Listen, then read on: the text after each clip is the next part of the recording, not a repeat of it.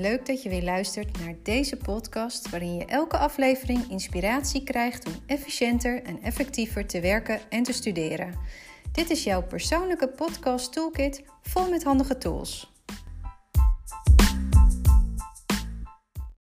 De afgelopen twee podcasts heb ik een aantal executieve vaardigheden toegelicht, die onder andere belangrijk zijn bij het maken van een goede planning en het vervolgens ook daadwerkelijk uitvoeren van die planning. Ik wil in deze podcast even een uitstapje maken. Want als je over veel zelfreflectie beschikt, dan lukt het je misschien wel aardig om telkens voor jezelf na te gaan of je nog wel volgens jouw eigen plan bezig bent. Maar het is wel ontzettend moeilijk.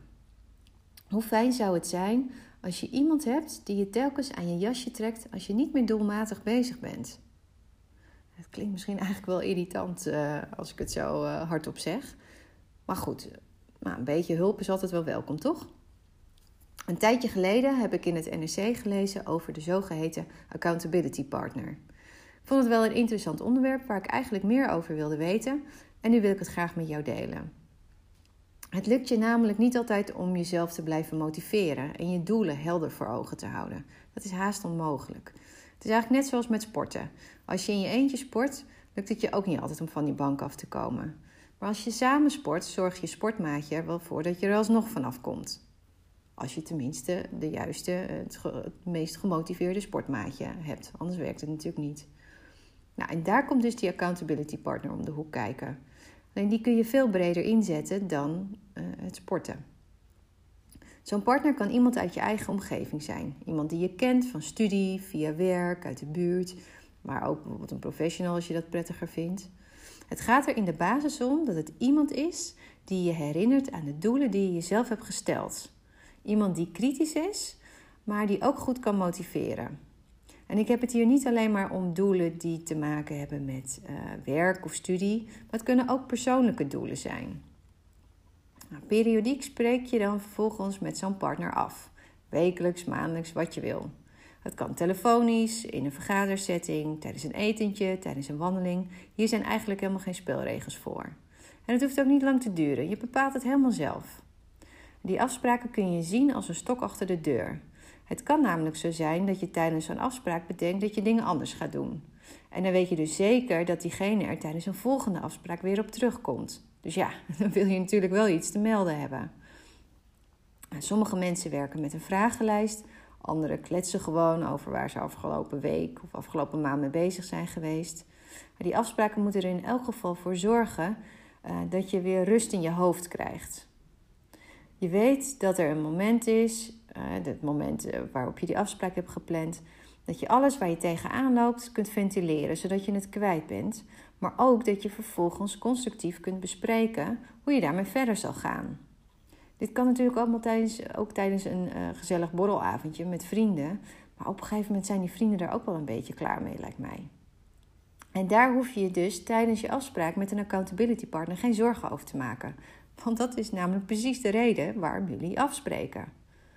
Het is dus eigenlijk heel fijn om een accountability partner te hebben. Maar andersom is het ook fijn om er eentje te zijn.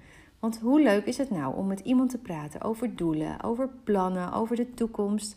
En dat je diegene dan ook echt daarbij kan helpen. Het is wel belangrijk dat je er goed over nadenkt wie voor jou een geschikte accountability partner kan zijn. Want wat maakt iemand nou een goede partner? Er zijn geen strikte regels voor, maar de volgende overwegingen zijn in elk geval belang om eh, mee te nemen in je beslissing.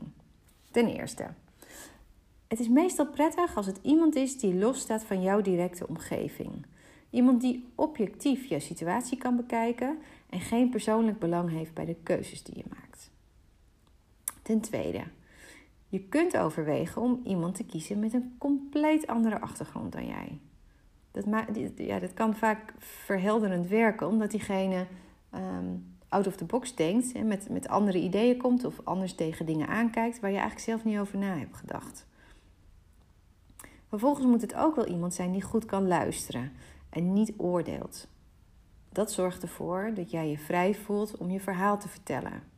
Het moet iemand zijn die je triggert en tot nadenken aanzet. Iemand die kritisch is, die tegen je in durft te gaan en ook niet bang is voor jouw reactie. Het moet ook iemand zijn die jou de kans geeft om zelf tot oplossingen te komen. Niet iemand die je vertelt wat je moet doen. Daar heb je uiteindelijk helemaal niets aan. Ten vijfde moet het wel iemand zijn met een groeimindset. Iemand die denkt in kansen en niet in beperkingen. Want hierdoor kan diegene jou motiveren als dat nodig is en ervoor zorgen dat je zelf niet te veel in een fixed mindset blijft hangen.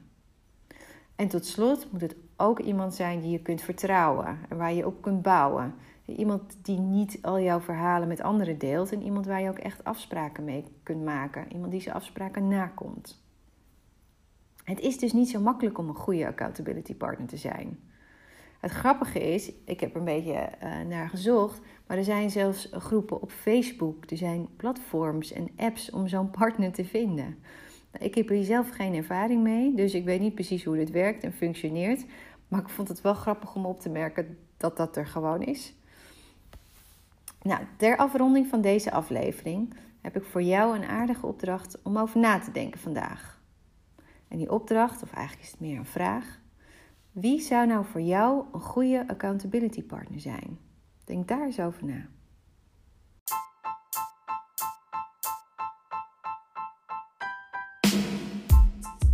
Dit was weer een tool voor jouw persoonlijke podcast toolkit. Dankjewel voor het luisteren. Vond je dit een nuttige podcast? Deel hem dan graag met anderen. Wil je meer tools? Abonneer je dan op deze podcast zodat je als eerste op de hoogte bent als er weer een nieuwe aflevering klaar staat. Tot de volgende keer.